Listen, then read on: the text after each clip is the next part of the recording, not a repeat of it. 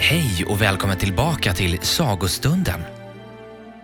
Idag så ska vi berätta om någonting magiskt. För vad händer egentligen om man pussar en groda? Grodan blir en prins. Är det säkert? Jepp.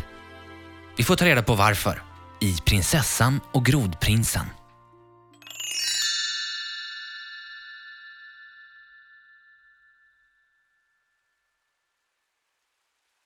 En kväll för länge sedan tog en ung prinsessa på sig sin hetta och sina träskor och gick ut för att ta sig en promenad i skogen. Efter en stund kom hon till en vacker springbrunn där hon satte sig ner för att vila. Hon hade en gyllene boll i sin hand. Det var hennes favoritleksak som hon nästan alltid gick och jonglerade med. Hon satt nu vid brunnen och kastade bollen upp i luften för att sedan fånga den när den föll ner. Efter en stund kastade hon den så högt att hon missade att fånga den. Bollen föll ner på marken, studsade iväg och rullade sedan på marken tills den så småningom föll ner i brunnen.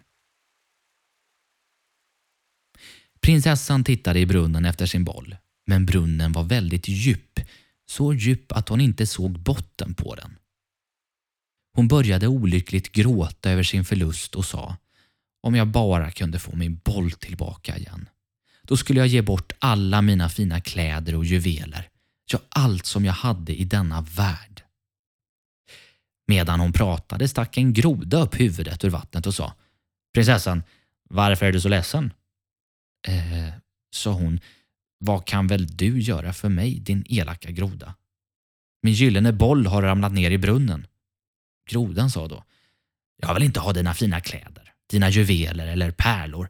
Men om du kommer att älska mig, låta mig leva med dig, äta ifrån dina gyllene tallrikar och sova i din säng, då ska jag ge dig tillbaka din boll. Vilket trams, tänkte prinsessan. Den här dumma grodan pratar, han kan ju inte ens komma ur vattnet för att besöka mig. Men han kan nog hämta min boll. Därför så ska jag säga att han får allt han ber mig om. Hon sa då till grodan, om du hämtar min boll så ska du få allt du bett om. Grodan dök då ner under vattnet och efter en stund kom han upp igen med bollen i munnen och lade den på brunnskanten. Så snart prinsessan såg bollen sprang hon förtjust fram och plockade upp den och tänkte inte mer på grodan utan sprang hem så fort hon kunde. Grodan ropade efter henne. Stanna prinsessan! Du lovade att ta mig med men hon stannade inte för att lyssna på honom. Nästa dag, precis när prinsessan hade satt sig ner för att äta middag, hörde hon ett konstigt ljud. Som om något kom upp för marmortrapporna. Strax därefter hördes en lätt knackning på dörren och en röst ropade. Öppna dörren min älskade prinsessa. Öppna dörren och släpp in din käreste. Kom ihåg vad du lovade mig där nere i brunnen. Då sprang prinsessan fram till dörren och öppnade den. Hon fick då syn på grodan som hon fullkomligt hade glömt bort. Vid denna syn blev hon rädd, stängde snabbt dörren och återvände till bordet. Hennes far, kungen, såg att något hade skrämt henne och frågade vad det var. Det är en otäck groda vid dörren, sa hon. Han hämtade upp min boll ur brunnen i morse. Jag lovade honom att han skulle få leva med mig eftersom jag trodde att han aldrig skulle komma upp ur brunnen och komma hit. Men nu är han här vid dörren och vill komma in. Medan hon pratade knackade grodan återigen på dörren och sa Öppna dörren min älskade prinsessa. Kom ihåg vad du lovade mig där nere vid brunnen. Det du lovat måste du hålla, sa kungen till prinsessan. Så gå och släpp in honom. Prinsessan gick till dörren och släppte in grodan som hoppade in i rummet med det klafsande ljudet från sina grodfötter. Tapp, tapp, plask, plask. Han fortsatte så ända fram till bordet nära den plats där prinsessan satt. Snälla, lyft upp mig på en stol, sa han till prinsessan och låt mig sitta intill dig.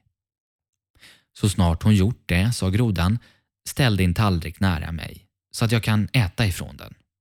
Hon gjorde så och när han ätit så mycket han kunde sa han nu är jag trött. Bär mig upp till ditt rum och lägg mig i din säng. Prinsessan tog honom då, om en motvilligt i sin hand, bar upp honom till sitt rum och la honom på sin kudde. Och där sov grodan hela natten. Så snart det var ljust hoppade han upp ur sängen, hoppade ner för trapporna och gick ut ur huset. Nå, äntligen, tänkte prinsessan. Nu har han gått och kommer inte besvära mig mer. Men när kvällen kom hörde hon samma konstiga steg i yttertrappan, samma knackning på dörren och grodans röst som ännu en gång ropade. Öppna dörren min älskade prinsessa. Kom ihåg vad du lovade mig där nere vid brunnen.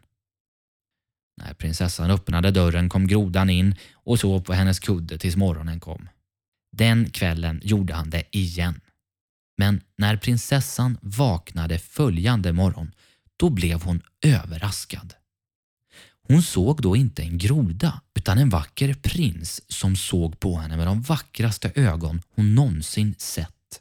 Han berättade att han blivit förtrollad av en ond fe som hade förvandlat honom till en groda och att han så skulle förbli tills någon prinsessa tog honom ur brunnen och lät honom äta ifrån sin tallrik och sova i sin säng i tre nätter.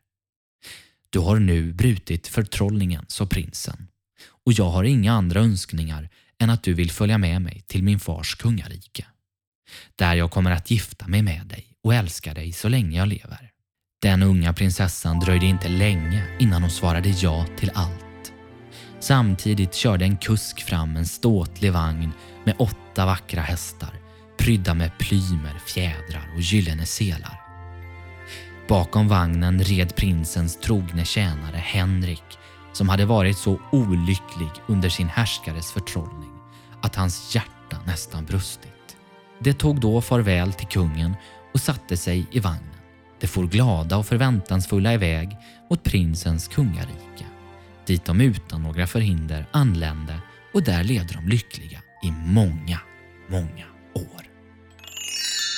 Snipp, snapp, snut. Nu var denna sagan slut. Nej, inte än.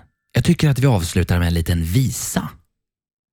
Här kommer ett gammalt fult och elakt troll.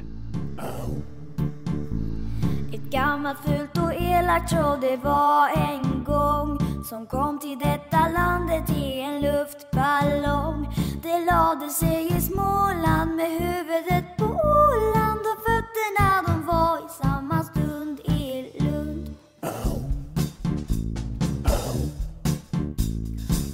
hos det gamla trollet var en trollmadam. En näsa hade hon som hela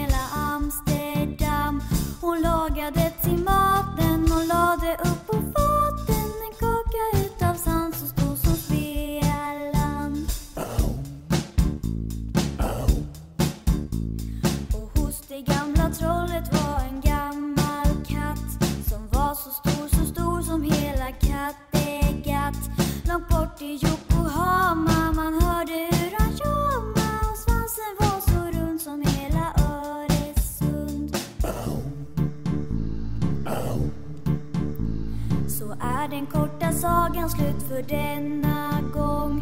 Tills trollen redan gett sig av i sin ballong. Nu är de nog vid poolen, ja kanske mitt